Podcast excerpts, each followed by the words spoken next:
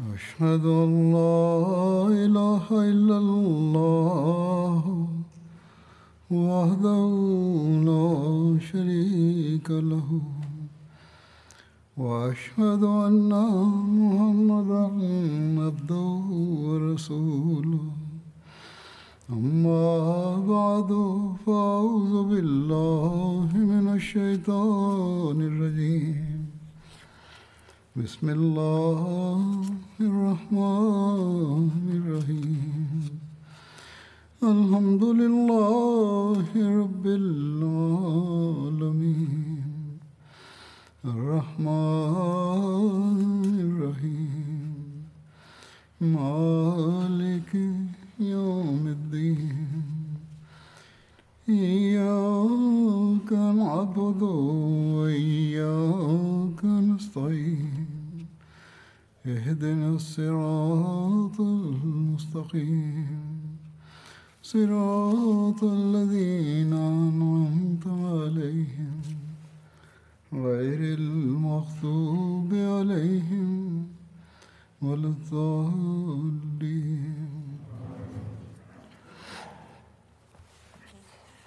Hadrat Abu Bakar Siddiq radhiyallahu anhu tengah dibahas berkenaan dengan perang Yamamah.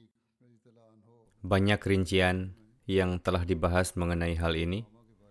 Hadrat Abu Sa'id Khudri radhiyallahu anhu meriwayatkan bahwa saya mendengar Abbad bin Bishr mengatakan, "Wahai Abu Sa'id, ketika kami selesai dari Buzakha, maka pada malam itu saya melihat di dalam mimpi seolah-olah langit dibukakan, kemudian ditutup untuk saya. Arti dari mimpi ini adalah kesyahidan. Abu Sa'id meriwayatkan, saya mengatakan, insya Allah, apa pun yang terjadi, itulah yang terbaik. Beliau meriwayatkan, pada hari perang Yamamah, saya melihat beliau dan beliau memanggil kaum Ansar dan berseru bahwa, datanglah kepada kami. Mendengar seruan itu, 400 orang berbalik kembali.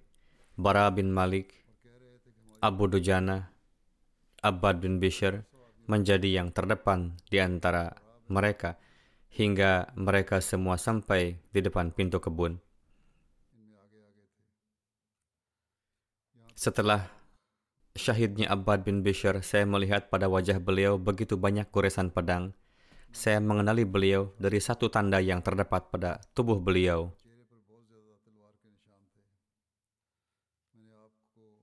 Kemudian terdapat riwayat mengenai Hadrat Ummu Umarah radhiyallahu anha.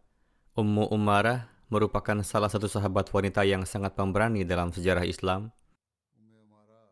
Nama beliau adalah Nusaibah binti Ka'ab. Beliau juga ikut serta dalam perang Uhud dan bertempur dengan gagah berani. Ketika umat Islam meraih kemenangan, beliau mengisi kantung air dan memberi minum orang-orang. Namun ketika mengalami kekalahan, maka beliau sampai ke dekat hadrat Rasulullah Sallallahu Alaihi Wasallam dan memberikan perlindungan. Ketika orang-orang kafir maju ke arah Rasulullah, maka Ummu Amarah menghalangi mereka dengan panah dan pedang. Di kemudian hari, Hadrat Rasulullah sendiri bersabda, saya melihat beliau bertempur di kanan dan kiri saya pada perang Uhud. Ketika Ibnu Qamiyah sampai ke dekat Hadrat Rasulullah SAW, Ummu Ammarah maju menghalanginya. Serangannya mengakibatkan luka yang dalam pada pundak Hadrat Ummu Ammarah. Beliau juga menebaskan pedangnya, namun ia mengenakan dua lapis baju besi sehingga tidak berhasil. Bagaimanapun, ini adalah kedudukan Hadrat Ummu Ammarah dari sisi sejarah. Beliau meriwayatkan bahwa putra beliau, Abdullah, telah membunuh Musailamah Al-Kadzab. Pada hari tersebut, Hadrat Ummu Ammarah sendiri pun ikut serta dalam perang Yamamah dan dalam perang tersebut satu tangan beliau terpotong. Penyebab Hadrat Ummu Ammarah ikut serta dalam perang tersebut dijelaskan sebagai berikut. Ketika Hadrat Rasulullah SAW wafat, putra beliau, Habib bin Zaid, beserta Hadrat Amr bin As sedang berada di Oman dan ketika kabar ini sampai kepada Hadrat Amru, maka beliau kembali dari Oman. Di tengah perjalanan, mereka bertemu Musailamah. Hadrat Amr bin As berjalan di depan. Habib bin Zaid dan Abdullah bin Wahab berjalan di belakang. Musailamah menangkap mereka berdua dan mengatakan, Apakah engkau bersaksi bahwa aku adalah Rasul Allah? Abdullah bin Wahab menjawab, Ya. Musailamah memerintahkan untuk mengikatnya dengan rantai besi. Ia tidak mempercayainya dan berpemikiran mungkin ia mengatakan ini untuk menyelamatkan diri. Bagaimanapun, selanjutnya ditanyakan kepada Habib bin Zaid, apakah engkau bersaksi bahwa aku adalah Rasul Allah? Tanya Musailamah. Beliau menjawab, saya tidak mendengar. Kemudian ia mengatakan, apakah engkau bersaksi bahwa Muhammad adalah Rasul Allah? Beliau menjawab, ya. Musailamah memberikan perintah berkenaan dengan beliau, lalu beliau dimutilasi. Dan setiap kali ditanyakan kepada beliau, apakah engkau bersaksi bahwa aku adalah Rasul Allah? Beliau menjawab, saya tidak dapat mendengar. Dan ketika Musailamah bertanya, apakah engkau bersaksi bahwa Muhammad Rasulullah SAW adalah Rasul Allah? Maka beliau menjawab, ya. Hingga Musailamah memotong anggota tubuh beliau satu persatu. Tangan beliau dipotong dari sendi bahu. Ia memotong kaki beliau dari lutut hingga bagian atas. Lalu ia membakar beliau. Sepanjang peristiwa ini berlangsung, beliau tidak mundur dari pendiriannya. Demikian juga Musailamah, hingga beliau mati syahid dalam api. Menurut sebuah riwayat lainnya, ketika Hadrat Habib pergi kepada Musailamah dengan membawa surat, pada saat itulah ia mensyahidkan Hadrat Habib dengan cara memotong satu persatu anggota tubuh beliau, lalu membakar beliau di dalam api. Ketika Hadrat Ummu Ammarah mendapatkan kabar kesyahidan putranya, maka beliau bersumpah bahwa beliau sendiri akan menghadapi Musailamah dan membunuhnya atau beliau sendiri menjadi syahid di jalan Allah Ta'ala. Ketika Hadrat Khalid bin Walid menyiapkan pasukan untuk menyerang Yamamah, maka Ummu Umarah datang ke hadapan Hadrat Abu Bakar Siddiq dan memohon izin kepada beliau untuk turut serta dalam pertempuran. Hadrat Abu Bakar Siddiq bersabda, tidak ada sesuatu yang bisa menghalangi wanita seperti Anda untuk berangkat ke medan perang. Berangkatlah dengan membawa nama Allah. Dalam pertempuran tersebut, seorang putra beliau lainnya juga ikut serta. Ummu Ammarah meriwayatkan bahwa ketika kami tiba di Yamamah, telah terjadi pertempuran sengit. Kaum Ansar memanggil bantuan dan umat Islam tiba untuk membantu. Ketika kami tiba di depan kebun, orang-orang telah berkerumun di pintu kebun, dan musuh kami berada di satu sisi kebun, dan pada sisi di mana Musailamah ada di sana. Kami memasuki kebun dengan paksa dan bertempur dengan mereka hingga beberapa lama. Demi Allah, saya belum pernah melihat yang lebih tangguh daripada mereka, dan saya mengincar musuh Allah, Musailamah. Saya berjanji kepada Allah, jika saya melihatnya, maka saya tidak akan melepaskannya. Saya yang membunuhnya, atau saya sendiri yang akan terbunuh. Orang-orang saling menyerang satu sama lain, pedang-pedang mereka saling beradu, seolah-olah mereka menjadi tuli, dan tidak ada suara yang terdengar kecuali suara tebasan pedang mereka sendiri. Hingga saya melihat musuh Allah Ta'ala.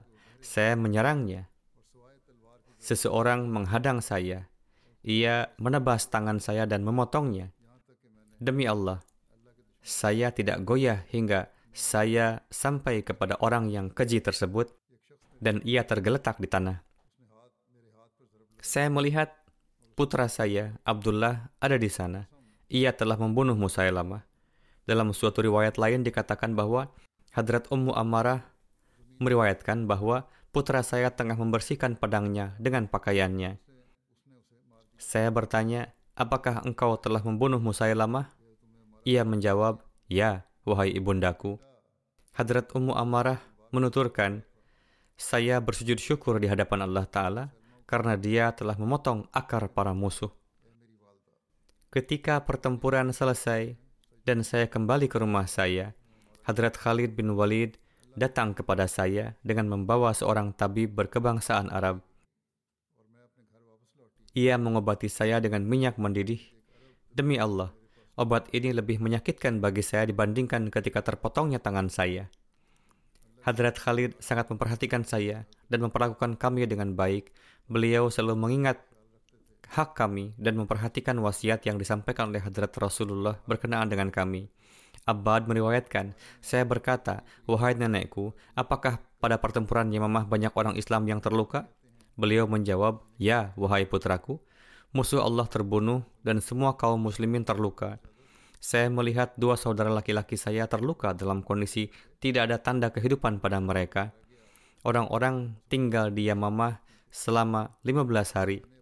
Pertempuran telah berakhir dan sangat sedikit sekali dari kalangan Ansar dan Muhajirin yang salat bersama Hadrat Khalid disebabkan luka-luka yang mereka derita. Hadrat Ummu Ammarah menuturkan, saya mengetahui bahwa di hari tersebut Banu Tai sangat diuji pada hari itu saya mendengar Adi bin Hatim berseru, Bersabarlah, bersabarlah, ayah ibuku berkorban untukmu, dan putra saya Zaid bertempur dengan gagah berani pada hari itu. Terdapat juga dalam sebuah riwayat lain bahwa Hadrat Ummu Ammarah terluka pada hari Yamamah. Beliau menderita 12 luka yang disebabkan pedang dan tombak. Selain itu, satu tangan beliau terputus. Hadrat Abu Bakar datang untuk melihat kondisi beliau Ka'ab bin Ajrah bertempur dengan hebat pada hari itu. Pada hari itu, orang-orang menderita kekalahan telak. Setelah mengalami kekalahan, mereka melarikan diri dan mem membelah bagian terakhir dari pasukan. Ka'ab berseru, Wahai Ansar, wahai Ansar, kemarilah untuk menolong Allah dan Rasulnya. Seraya mengatakan ini, beliau sampai kepada Muhkam bin Tufail. Muhkam menebas beliau dan memotong tangan kiri beliau.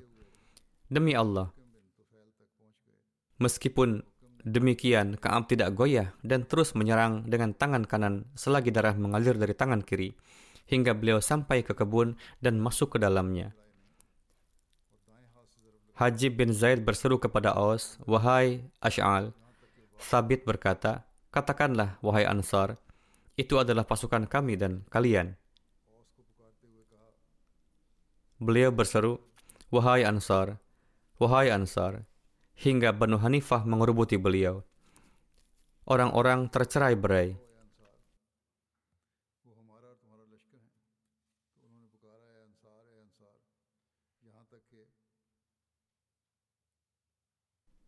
Beliau berhasil membunuh dua orang musuh dan beliau pun syahid.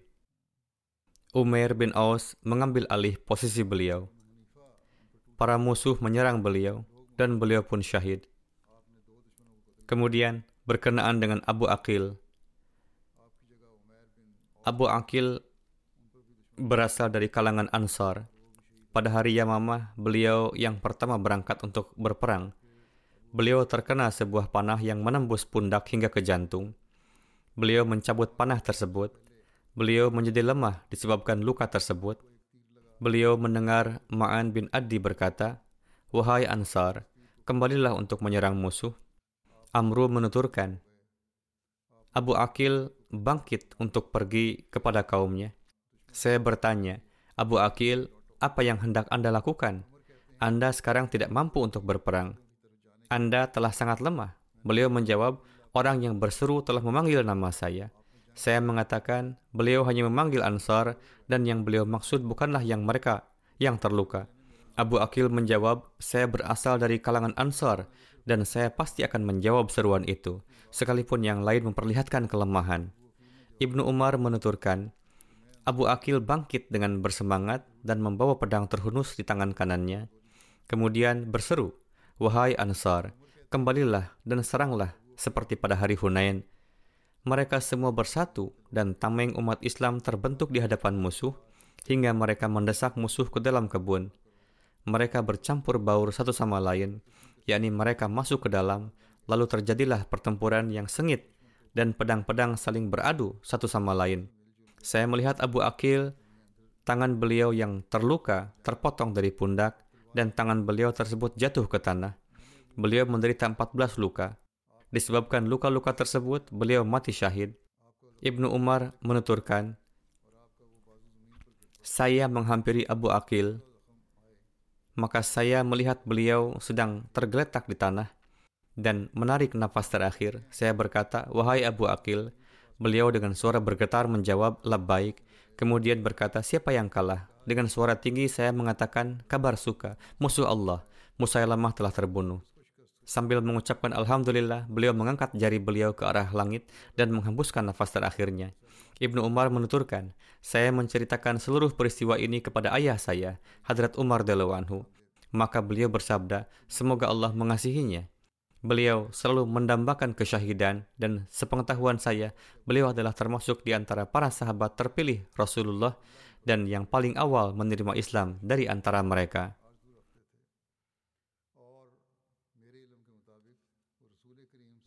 Muja'ah bin Murarah adalah pemimpin Banu Hanifah. Sebelumnya telah dikisahkan mengenainya. Suatu hari ia menceritakan mengenai Ma'an bin Adi bahwa pada masa Rasulullah SAW, beliau biasa datang kepada saya. Disebabkan oleh pertemanan yang terjalin sejak lama di antara kami. Muja'ah menuturkan, setelah perang Yamamah, ia datang bersama kafilah untuk menghadap Hadrat Abu Bakar. Saat itu Hadrat Abu Bakar tengah pergi bersama para sahabat beliau untuk berziarah ke makam para syuhada. Saya pun saat itu ikut bersama beliau hingga Hadrat Abu Bakar bersama para sahabatnya telah berziarah di 70 makam para sahabat. Lalu saya mengatakan, Wahai Khalifah Rasul, saya tidak pernah melihat ada orang-orang yang lebih tegar di hadapan kilatan pedang daripada para sahabat yang ikut serta pada perang Yamamah. Dan tidak pula ada yang lebih dahsyat dalam menerjang daripada mereka. Di antara mereka, saya melihat ada satu orang Semoga Allah mengasihinya, yang merupakan teman saya. Hadrat Abu Bakar bersabda, apakah Anda kenal Ma'an bin Adi? Saya menjawab, ya. Hadrat Abu Bakar mengetahui persahabatan saya dengannya. Beliau bersabda, semoga Allah mengasihinya. Anda telah menyebutkan perihal seorang yang saleh. Saya berkata, wahai Khalifah Rasul, hingga saat ini pun saya seolah masih tengah melihatnya, yaitu kejadian tatkala saya tengah terikat di kemah Khalid bin Walid. Saat itu barisan pasukan muslim tengah lemah dan keadaan sedemikian genting hingga saya pun berpikir bahwa kini barisan mereka tidak akan dapat bersatu kembali dan saya khawatir akan hal ini. Hadrat Abu Bakar bersabda, apakah benar saat itu Anda sungguh tidak rela? karena memang dahulu orang ini telah murtad sehingga ia pun harus ditawan. Alhasil, Muja'ah menuturkan, lalu saya berkata, Demi Allah, saya sungguh tidak rela. Hadrat Abu Bakar bersabda, atas hal ini saya hanya menyanjung nama Allah. Muja'ah berkata, saya melihat Ma'an bin Adi yang tengah berbalik menyerang seraya mengenakan kain merah di kepalanya. Pedang terletak di bahunya dan darah menetes darinya. Ia menyeru, wahai Ansar, seranglah dengan sekuat tenaga. Muja'ah menuturkan, pasukan Ansar lalu berbalik menyerang dengan sedemikian dahsyatnya hingga memukul mundur barisan musuh. Saat itu, saya menyusuri medan bersama Khalid bin Walid. Saya mengenal siapa saja yang terbunuh dari pihak Banu Hanifah. Saya pun menyaksikan kaum Ansar yang tengah jatuh disyahidkan. Mendengar hal ini, Hadrat Abu Bakar menangis hingga rambut beliau pun basah karena air mata.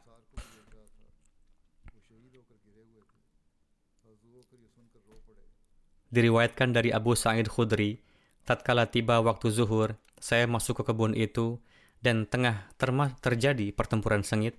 Hadrat Khalid bin Walid memerintahkan kepada muazzin untuk mengumandangkan azan zuhur dari atas dinding kebun. Segenap orang gelisah karena pertempuran yang masih berlangsung hingga perang pun berakhir setelah salat asar. Lalu Hadrat Khalid mengimami salat zuhur dan asar. Kemudian beliau mengirim orang-orang untuk membawa dan memberi air kepada korban-korban pertempuran. Saya berkeliling bersama mereka. Saat itu saya melihat Abu Akil yang terkena 15 luka. Beliau meminta air kepada saya dan saya pun memberinya air. Air mengucur dari semua lukanya sehingga beliau pun mati syahid. Lalu saya bertemu Bishr bin Abdullah dan beliau tengah duduk di tempatnya. Beliau meminta air kepada saya dan saya pun memberinya air. Lalu beliau pun mati syahid.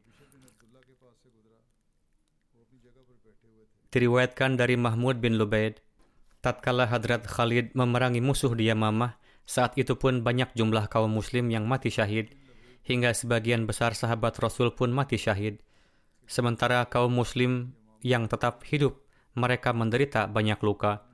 tatkala Hadrat Khalid mendapat kabar kematian Musailamah, saat itu mereka membawa serta Muja'ah dengan terikat rantai supaya ia dapat mengenali Musailamah. Ia terus memandang ke arah mayit-mayit, namun ia belum dapat menemukan Musailamah. Lalu ia masuk ke dalam kebun. Di sana ia melihat satu mayat dengan tubuh pendek, warna kulit kekuningan, dengan hidung yang pesek. Lalu Muja'ah berkata, Inilah Musailamah, dan kini kalian telah terbebas darinya. Atas hal ini Hadrat Khalid bersabda, inilah orang yang telah menimpakan semuanya pada kalian. Karena Muja'ah adalah tawanan dan ia merupakan wakil serta pemimpin Banu Hanifah, maka ia pun ingin agar diselamatkan. Kebanyakan prajuritnya telah tewas, namun ia membuat satu rencana. Ia menipu pasukannya yang ada di dalam benteng dengan alasan untuk menyelamatkannya. Tetapi ia justru melakukan perjanjian damai dengan Hadrat Khalid bin Walid. Ia berkata kepada Hadrat Khalid, Orang yang di sini yang tengah bertempur denganmu hanyalah mereka yang tidak ahli, sementara di dalam benteng terisi dengan banyak prajurit siap tempur. Hadrat Khalid berkata, celakalah dirimu yang mengatakan hal ini. Atas hal ini, Muja'ah berkata, Demi Tuhan, apa yang saya katakan ini adalah benar. Kini kemarilah dan adakanlah perdamaian dengan kaum saya yang berada di bawah saya. Sebenarnya ia mengucapkan ini sebagai tipuan. Hal ini kelak akan dijelaskan lebih lanjut. Hadrat Khalid yang telah melihat sedemikian rupa kerugian nyawa yang diderita kaum muslim di dalam perang yang dahsyat ini, sementara pemimpin dan pemberontak yang sebenarnya dari Banu Hanifah yakni Sarganah dan teman-temannya telah terbunuh, maka beliau menganggap lebih baik supaya tidak ada korban jiwa lagi dari kalangan kaum muslim. Maka dari itu, Hadrat Khalid setuju dengan ajakan perdamaian itu. Setelah mendapatkan jaminan keamanan dari Hadrat Khalid, Muja'ah berkata, saya akan bermusyawarah dengan mereka. Lalu Muja'ah pun pergi menuju mereka, sementara ia sendiri mengetahui bahwa yang sebenarnya ada di dalam benteng tiada lain hanyalah para wanita, anak-anak, dan orang-orang yang sudah sangat tua dan lemah. Muja'ah lalu memakaikan baju besi kepada mereka dan berkata kepada para wanita, Naiklah ke atas dinding hingga tiba kedatangan saya. Lalu Muja'ah kembali kepada Hadrat Khalid dan berkata, mereka tidak menerima syarat perdamaian yang saya sampaikan kepada mereka tatkala Hadrat Khalid melihat sendiri keadaan di dalam benteng, maka hanya orang-orang biasalah yang tampak di dalamnya. Para wanita tengah duduk di sana seraya mengenakan baju besi. Perang ini pun tidak menimpakan kerugian pada kaum muslim dan pertempuran berlangsung sangat panjang. Maka dari itu kaum muslim menghendaki agar mereka segera meraih kemenangan lalu pulang karena mereka tidak mengetahui akan apa yang akan terjadi selanjutnya. Maka dari itu Hadrat Khalid melakukan perdamaian dengan syarat-syarat yang cukup lunak, yakni emas, perunggu, senjata, dan setengah dari tahunan perang. Tertera juga di tempat lain bahwa syarat perdamaian adalah seperempat darinya. Tatkala pintu-pintu benteng telah terbuka, maka di dalamnya tiada lain hanyalah para wanita, anak-anak, dan orang tua. Atas hal ini, Hadrat Khalid berkata kepada Muja'ah, terkutuklah, Anda telah menipu saya. Muja'ah berkata, ini adalah orang-orang suku saya, adalah penting bagi saya untuk menyelamatkan mereka. Selain hal ini, apalagi yang dapat saya lakukan? Setelah ini, surat dari Hadrat Abu Bakar telah tiba pada Hadrat Khalid yang berisi perintah agar mereka yang dewasa dibunuh. Namun surat ini tiba saat Hadrat Khalid telah melakukan perdamaian dengan orang-orang tersebut. Oleh karena itu, menyempurnakan perjanjian ini dan tidak melanggarnya. Beliau tidak, beliau telah memastikan keselamatan jiwa mereka pada perjanjian ini. Maka dari itu, Hadrat Khalid bin Walid mengirimkan satu surat untuk menjelaskan keadaan kaum muslim dan alasan melakukan perdamaian. Setelah membacanya, Hadrat Abu Bakar pun merasa tenang dan gembira. Tatkala Hadrat Khalid selesai melakukan perjanjian perdamaian, maka beliau mengirim perintah terkait benteng yang ada. Maka dari itu, ditetapkanlah beberapa orang untuk di benteng tersebut. Muja'ah bersumpah demi Allah bahwa tidak ada lagi satu hal pun yang tersembunyi dari perdamaian yang telah terjadi. Lalu jikalau ada di antara mereka yang mengetahui hal-hal yang tersembunyi, maka hal ini akan dilaporkan kepada Hadrat Khalid, lalu benteng pun dibuka, dan banyak sekali senjata yang didapat, di mana Hadrat Khalid sendiri pun mengumpulkannya. Dari benteng tersebut banyak juga didapat perbendaharaan dinar dan dirham. Baju-baju zirah dikumpulkan dari mereka, lalu para tawanan dikeluarkan dan dibagi menjadi dua bagian. Lalu diadakanlah pembagian harta ghanimah melalui pengundian. Baju-baju besi, rantai, emas, perunggu, dan lain sebagainya ditimbang dan dipisahkan bagian untuk humusnya. Seperempat bagian dari humus dibagikan ke segenap pasukan secara merata. Para prajurit berkuda mendapatkan dua per lima bagian darinya, sementara para pemilik kuda mendapatkan satu bagian darinya. Lalu bagian humus pun dipisahkan dari semua itu dan harta tersebut dikirimkan ke hadapan Hadrat Abu Bakar Siddiq. Setelah itu, Banu Hanifah berkumpul untuk berbaiat dan menyatakan ketiadaan hubungan mereka dengan kenabian Musailamah. Semua orang ini dibawa ke dekat Hadrat Khalid bin Walid untuk melakukan baiat dan menyatakan kembali keislaman mereka. Hadrat Khalid bin Walid lalu memberangkatkan satu kelompok dari mereka ke hadapan Hadrat Abu Bakar Siddiq di Madinah Munawwarah. Tatkala mereka tiba, dan menemui Hadrat Abu Bakar, Hadrat Abu Bakar menyampaikan rasa sangat heran beliau kepada mereka. Beliau mengatakan, pada akhirnya, bagaimana bisa Anda sekalian jatuh ke dalam tipuan Musailamah dan menjadi tersesat? Mereka menjawab, Wahai Khalifah Rasul, Anda mengetahui semua keadaan kami. Musailamah tidak dapat memberi keuntungan bagi dirinya, dan tidak pula bagi keluarga dan kaumnya terdapat satu mimpi dari Hadrat Abu Bakar Siddiq bahwa ketika Hadrat Abu Bakar mengirim Hadrat Khalid ke Yamamah, beliau melihat di dalam mimpi bahwa kepada beliau dibawakan banyak kurma dari satu desa yang bernama Hajar. Beliau memakan satu kurma darinya, namun ternyata itu adalah suatu biji-bijian yang keras. Yaitu sesuatu yang tampak seperti kurma itu ternyata bukanlah kurma, tetapi biji yang keras. Beliau menggigitnya untuk beberapa saat, lalu membuangnya. Beliau menyampaikan takbir mimpi ini sebagai berikut. Khalid akan menghadapi perlawanan sengit dari ahli Yamamah, dan Allah pasti akan menurunkan kemenangan kepadanya, yaitu Hadrat Khalid. Hadrat Abu Bakar sangat menantikan kabar dari Yamamah, dan kapan pun datang utusan dari Hadrat Khalid, beliau segera menerima kabar darinya. Suatu hari, Hadrat Abu Bakar keluar di tengah siang yang terik. Saat itu, beliau ingin pergi ke tempat bernama Sarar yang berjarak tiga mil dari Madinah. Bersama beliau ada Hadrat Umar, Hadrat Sa'id bin Zaid, Tulaihah bin Ubaidullah, dan suatu kelompok muhajirin dan ansar beliau bertemu dengan Abu Khaisimah Najari yang dikirim oleh Hadrat Khalid. Tatkala Hadrat Abu Bakar melihatnya, beliau bersabda, Wahai Abu Khaisimah, berita apa yang Anda bawa? Ia menjawab, Wahai Khalifah Rasul, ada kabar baik. Allah telah menurunkan kemenangan kepada kita di Yamamah. Perawi menuturkan bahwa saat itu Hadrat Abu Bakar bersujud Abu Khaisamah berkata, ada satu surat dari Hadrat Khalid untuk huzur. Hadrat Abu Bakar dan para sahabat, beliau menyanjung Allah dan bersabda, sampaikanlah kepada saya bagaimana perang yang terjadi. Lalu baru saja Abu Khaisamah menyampaikan kepada beliau tentang apa saja yang dilakukan oleh Hadrat Khalid, bagaimana beliau mengatur barisan para sahabatnya, bagaimana kaum muslim mengalami kekalahan, dan siapa saja yang telah syahid di antara mereka.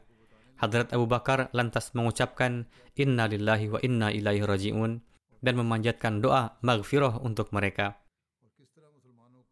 Abu Khaisimah lebih lanjut menyampaikan, Wahai Khalifah Rasul Sallallahu Alaihi Wasallam, kami adalah orang Badui. Mereka telah mengalahkan kami dan mereka telah memperlakukan kami dengan sesuatu yang tidak kami anggap baik. Setelah itu, Allah menurunkan kemenangan kepada kami Hadrat Abu Bakar bersabda, saya sangat tidak menyukai mimpi yang pernah saya lihat sebelumnya, dan di dalam hati saya timbul pandangan bahwa Khalid pasti akan menghadapi suatu peperangan yang sengit. Dan seandainya Khalid tidak melakukan perdamaian dengan mereka, dan mereka diletakkan di bawah naungan kilatan pedang, maka sesungguhnya tidak ada lagi penduduk Yamamah yang berhak untuk hidup setelah kewafatan para syuhada itu. Hadrat Abu Bakar bersabda, karena Musailamah Kadzab ini, mereka, yakni yang berteman dengannya, akan terus mendapat cobaan hingga hari kiamat, kecuali orang-orang yang Allah telah selamatkan. Setelah itu, kafilah penduduk Yamamah datang ke hadapan Hadrat Abu Bakar bersama Hadrat Khalid. Mengenai jumlah yang meninggal, disebutkan bahwa jumlah orang-orang murtad yang meninggal adalah 10.000 orang. Di dalam satu riwayat tertera jumlah sebanyak 21.000 orang. Dengan jumlah yang disyahidkan di kaum muslim adalah 500 hingga 600 orang. Di dalam beberapa riwayat lain tertera bahwa jumlah umat muslim yang disyahidkan di perang Yamamah adalah sekitar 700, 1200 hingga 1700 orang. Menurut satu riwayat, di antara yang disyahidkan ini terdapat 700 lebih para penghafal Al-Quran. Di antara para syuhada terdapat para sahabat Rasul terkemuka dan para penghafal Al-Quran, di mana mereka memiliki kedudukan yang sangat tinggi di antara segenap kaum muslim. Kesyahidan mereka adalah suatu kehilangan yang sangat besar, namun adanya pensyahidan para penghafal Al-Quran inilah yang menjadi sebab pengumpulan Al-Quran. Berikut adalah nama sebagian sahabat yang masyhur. Hadrat Zaid bin Khattab, Hadrat Abu Huzaifah bin Rabi'ah, Hadrat Salim Maula Abu Huzaifah, Hadrat Khalid bin Usaid, Hadrat Hakam bin Sa'id, Hadrat Tufail bin Amr Dosi, Hadrat Saib bin Awam, yakni saudara dari Hadrat Zubair bin Awam, Hadrat Abdullah bin Harith bin Qais, Hadrat Abbas bin Harith, Hadrat Abbas bin Bishr, Hadrat Malik bin Aus, Hadrat Surakah bin Ka'ab, Hadrat Ma'an bin Adi Khatib Rasul, yakni juru bicara Rasulullah, Hadrat Thabit bin Qais bin Syams, Hadrat Abu Dujana, putra dari Abdullah bin Ubay bin Sulul, Raisul Munafikin, yang adalah seorang mukmin dan sosok yang benar, yaitu Hadrat Abdullah bin Abdullah dan Hadrat Yazid bin Sabit Khajraji. Menurut beberapa sejarawan, perang Yamamah terjadi pada bulan Rabiul Awal tahun 12 Hijriah, namun ada beberapa yang berpendapat bahwa perang ini terjadi di akhir tahun 11 Hijriah. Dari dua keterangan tersebut dapat disimpulkan bahwa perang ini dimulai di tahun 11 Hijriah dan berakhir di tahun 12 Hijriah. Hadrat Muslim Ma'ud anhu bersabda, Orang-orang yang mendakwakan kenabian palsu dan orang-orang yang diperangi oleh para sahabat kesemuanya memberontak pada pemerintahan Islam dan menyerukan peperangan pada pemerintahan Islam. Musailamah sendiri pernah menulis pada zaman Rasulullah dengan mengatakan bahwa telah diperintahkan kepada saya bahwa setengah negeri Arab adalah bagi kami dan setengahnya adalah untuk Quraisy. Dan pasca kewafatan Rasulullah, ia mengusir gubernur sah dari Hajar dan Yamamah yang bernama Sumamah bin Isal, lalu sendirinya menjabat sebagai gubernur daerah tersebut. Ia juga menyerang umat Islam.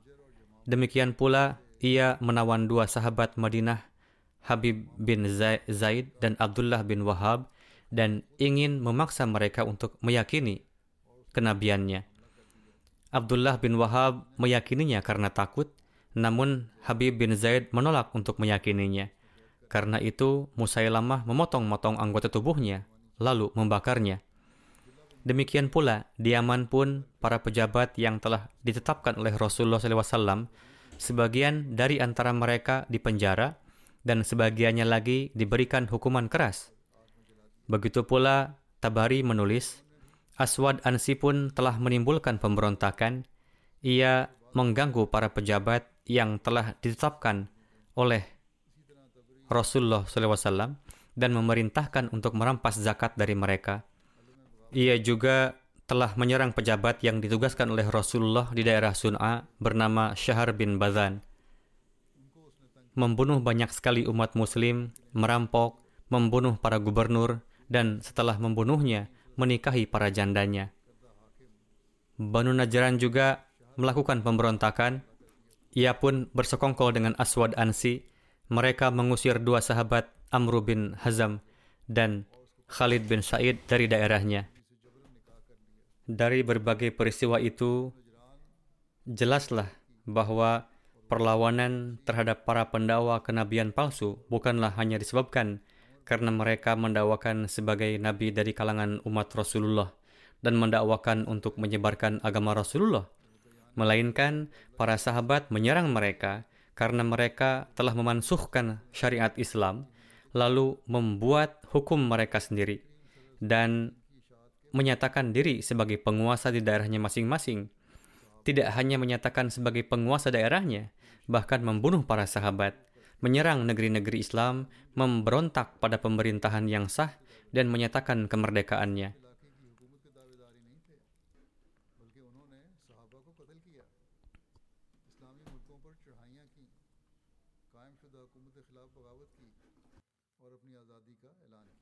Selanjutnya, Hadrat Masih Maud Islam bersabda, ketika Hadrat Rasulullah SAW wafat, setelah itu banyak penduduk pedalaman Arab yang murtad. Kondisi yang rentan tersebut digambarkan oleh Hadrat Aisyah sebagai berikut. Saat itu Rasul Allah telah wafat. Lalu beberapa pendakwa kenabian palsu mulai bermunculan. Sebagian dari antara mereka meninggalkan salat dan coraknya telah berubah. Dalam kondisi demikian dan dalam bala yang mencekam itu, ayah saya menjadi khalifah dan penerus Rasulullah Shallallahu Alaihi Wasallam ayah saya sedemikian rupa ditimpa kedukaan, sehingga jika kedukaan itu menimpa gunung, maka gunung tersebut akan hancur lebur. Sekarang renungkanlah, tidak lantas putus asa ketika ditimpa gunung masalah, bukanlah ciri-ciri dari manusia biasa. Istiqomah tersebut menuntut ketulusan dan sidiklah yang telah memperlihatkan itu. Tidak mungkin ada orang lain yang dapat bertahan dari mara bahaya itu. Segenap sahabat ada saat itu. Tidak ada yang mengatakan bahwa itu adalah hak saya. Mereka menyaksikan bahwa api telah menyala. Siapa yang berada di dalam api itu? Dalam kondisi demikian, Hadrat Umar menjulurkan tangannya, lalu bayat di tangan Hadrat Abu Bakar, dan semuanya mengikuti satu persatu bayat. Kesidikan beliaulah yang telah mengatasi kegentingan itu dan membinasakan para pengacau itu. Musailamah diikuti oleh 100 ribu orang. Permasalahannya adalah permasalahan ibahat. Ibahat adalah sesuatu yang mubah dalam syariat, yakni jaiz atau halal. Orang-orang mengikuti Musailamah dikarenakan ia menghalalkan banyak hal, yakni sesuatu yang salah pun dihalalkannya. Hal ini telah diterangkan sebelumnya.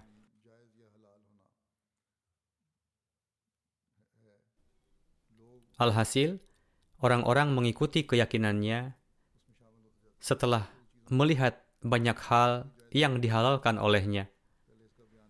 Namun, Allah Ta'ala memberikan bukti penyertaannya dan memberikan kemudahan dalam segala kesulitan itu. Hadrat Musi Model Islam bersabda lebih lanjut, hal ini tidaklah tersembunyi dari para peneliti bahwa masa kekhalifahan beliau adalah masa yang penuh ketakutan dan musibah ketika hadrat Rasulullah SAW wafat, berbagai macam musibah menerpa Islam dan umat Islam. Banyak orang munafik yang menjadi murtad, dan orang-orang murtad ini menjadi sedemikian lancang, dan sekelompok pembuat fitnah mendakwakan kenabian, dan sebagian besar orang Badui berkumpul di sekeliling mereka, sampai-sampai seratus ribu orang jahil dan jahat didapati bersama-sama dengan Musailamah al-Kadzab fitnah kekacauan bergejolak dan musibah-musibah semakin meningkat. Bala bencana mengepung dari berbagai penjuru dan suatu guncangan yang dahsyat menerpa orang-orang mukmin. Pada masa itu semua orang diuji dan situasi yang mengerikan dan menakutkan muncul. Orang-orang mukmin sedemikian rupa tidak berdaya hingga seolah-olah bara api dinyalakan di hati mereka atau mereka disembelih dengan pisau. Terkadang mereka menangis karena perpisahan dengan sang makhluk terbaik, dan terkadang karena api fitnah yang menyala-nyala. Tidak ada tanda-tanda perdamaian. Para pembuat onar menyebar luas, layaknya rerumputan yang tumbuh subur di tumpukan kotoran. Rasa takut dan kekhawatiran orang-orang mukmin terus meningkat dan hati diliputi kengerian dan kegelisahan. Di masa seperti itu, Hadrat Abu Bakar radhiyallahu anhu diangkat sebagai pemimpin saat itu dan khalifah Hadrat Khatamun Nabiyyin sallallahu alaihi wasallam dengan menyaksikan sikap dan perilaku orang-orang munafik, kafir, dan murtad itu, beliau tenggelam dalam kedukaan dan kesedihan. Beliau menangis sedemikian rupa, layaknya hujan yang turun terus-menerus di musim penghujan, dan air mata beliau mengalir bagaikan aliran mata air, dan beliau memanjatkan doa untuk kebaikan Islam dan kaum muslimin.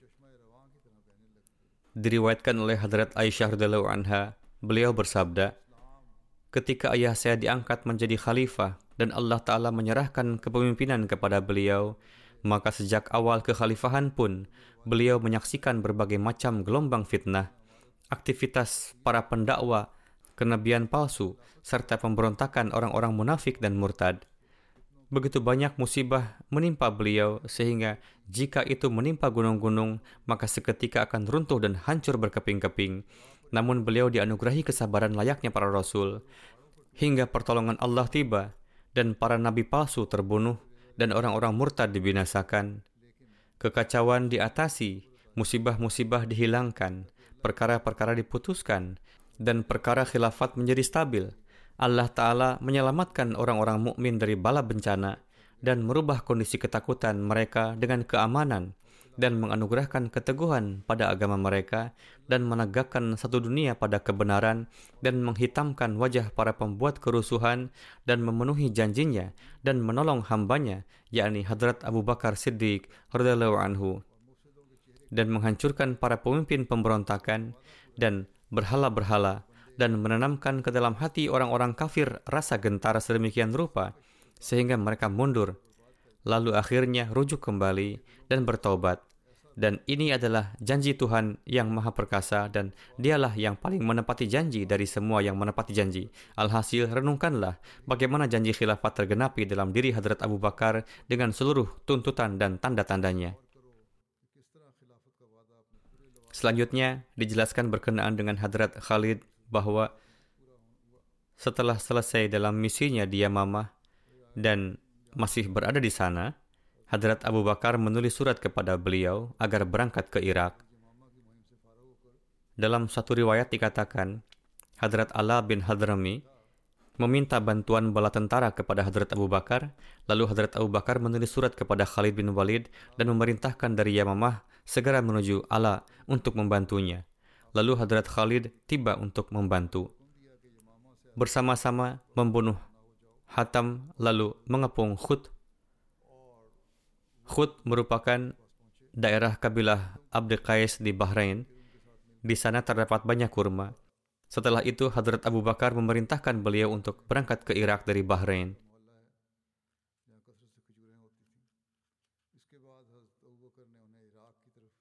Timbul pertanyaan berkenaan dengan pernikahan Hadrat Khalid dengan Putri Muja'ah bin Murarah. Dalam hal ini tertulis dalam buku-buku tarikh dan sirat bahwa setelah berakhirnya perang Yamamah, dan setelah dilakukan perjanjian damai dengan orang-orang yang selamat dari antara Banu Hanifah, dijelaskan perihal pernikahan Hadrat Khalid, para sejarawan mengatakan, setelah mendapatkan kabar pernikahan tersebut, Hadrat Abu Bakar marah terhadap Hadrat Khalid. Namun ketika Hadrat Khalid menyampaikan klarifikasi dengan perantaraan surat, api amarah Hadrat Abu Bakar menjadi dingin. Berdasarkan keterangan lengkap, setelah dilakukan perjanjian damai, Khalid radhiyallahu anhu menyampaikan permintaan kepada Muja'ah agar menikahkan putrinya dengannya. Muja'ah mengetahui kisah istri Malik bin Nuwairah bernama Laila Ummi Tamim dan kemarahan Hadrat Abu Bakar atas pernikahan Hadrat Khalid. Untuk itu, Muja'ah mengatakan, Tunggu dulu, Anda akan membuat pinggang saya patah dan Anda sendiri tidak akan terhindar dari murka Hadrat Abu Bakar. Namun Hadrat Khalid mengatakan, kalau begitu, nikahkan saya dengan putri Anda. Kemudian Muja'ah menikahkan putrinya dengan beliau. Hadrat Abu Bakar selalu menunggu kabar yang datang dari Yamamah. Beliau selalu menunggu kedatangan pembawa kabar utusan Hadrat Khalid. Suatu hari, Hadrat Abu Bakar tengah berada di suatu tempat bersama dengan satu kelompok muhajirin dan ansar. Saat itu beliau bertemu dengan kurir utusan Hadrat Khalid bernama Abu Khaisamah radhiyallahu anhu. Hadrat Abu Bakar melihatnya, lalu bertanya kepada sang kurir, "Bagaimana kabar di sana?" Beliau menjawab, baik-baik saja. Wahai Khalifah Rasul, Allah Ta'ala telah menganugerahkan kemenangan kepada kami atas Yamamah. Silahkan baca, ini adalah surat dari Khalid. Hadrat Abu Bakar langsung melakukan sujud syukur dan bersabda, Jelaskan kepada saya kondisi peperangan. Bagaimana? Berkenaan dengan hal ini sebelum ini telah dijelaskan. Lalu Abu Khaisamah menjelaskan kisah rinci peperangan yang terjadi, yakni apa saja yang dilakukan oleh Khalid, bagaimana beliau mengatur pasukan, siapa saja sahabat yang syahid, bagaimana kita terpaksa mengalami kerugian yang ditimpakan oleh musuh, dan apa yang kita alami benar-benar di luar perkiraan kita.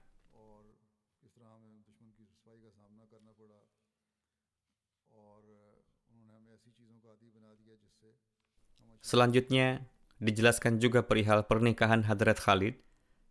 Hadrat Abu Bakar menulis surat kepada beliau, Wahai Ibnu Ummi Walid, engkau ini bagaimana? Menikahi para wanita. Sementara bercak darah 1200 pasukan muslim masih belum kering di pelataran rumahmu. Terlebih Muja'ah telah menipu, lalu membuat perjanjian damai denganmu. Padahal Allah Ta'ala memberikan kuasa penuh padamu atas mereka disebabkan oleh janji damai dengan Muja'ah dan menikahi putrinya, Khalid mendapatkan teguran dari Khalifah Rasul Abu Bakar anhu. Kemudian Hadrat Khalid mengirim surat balasan ke hadapan Hadrat Abu Bakar. Di dalam surat tersebut, beliau menyampaikan klarifikasi dan pembelaan atas hal itu.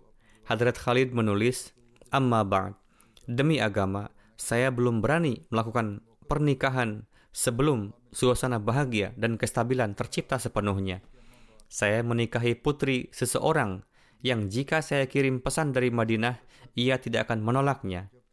Mohon maaf, saya memilih untuk mengirim pesan dari tempat saya. Jika Huzur tidak merestui perjodohan ini dari sisi ruhani dan jasmani, maka saya bersedia untuk memenuhi kehendak Huzur. Sejauh berkenaan dengan bersimpati kepada korban yang tewas dari pihak Muslim, jika kedukaan seseorang dapat membuat seseorang tetap hidup atau dapat menghidupkan kembali yang sudah meninggal, maka duka nestapaku dapat membuat seseorang tetap hidup dan menghidupkan kembali yang sudah meninggal. Saya sedemikian rupa melancarkan serangan sehingga menjadi putus asa atas kehidupan dan yakin pada kematian. Selebihnya berkenaan dengan tipu daya mujaah, saya tidak melakukan kekeliruan dalam mengutarakan pendapat, namun saya tidaklah mengetahui perkara yang gaib Apa pun yang telah dilakukan, Allah telah melakukannya demi kebaikan umat Islam, telah menjadikan mereka sebagai pewaris bumi dan akhir yang baik teruntuk orang-orang yang bertakwa. Ketika Hadrat Abu Bakar menerima surat tersebut, amarah beliau mendingin dan satu kelompok Quraisy dan yang membawa surat Hadrat Khalid, ia pun menyampaikan klarifikasi dari Hadrat Khalid. Hadrat Abu Bakar bersabda, benar apa yang kamu katakan dan Hadrat Abu Bakar menerima klarifikasi dan permohonan maaf dari Hadrat Khalid. Selebihnya insya Allah akan disampaikan pada kesempatan lain. Kisah berkenaan dengan golongan yang murtad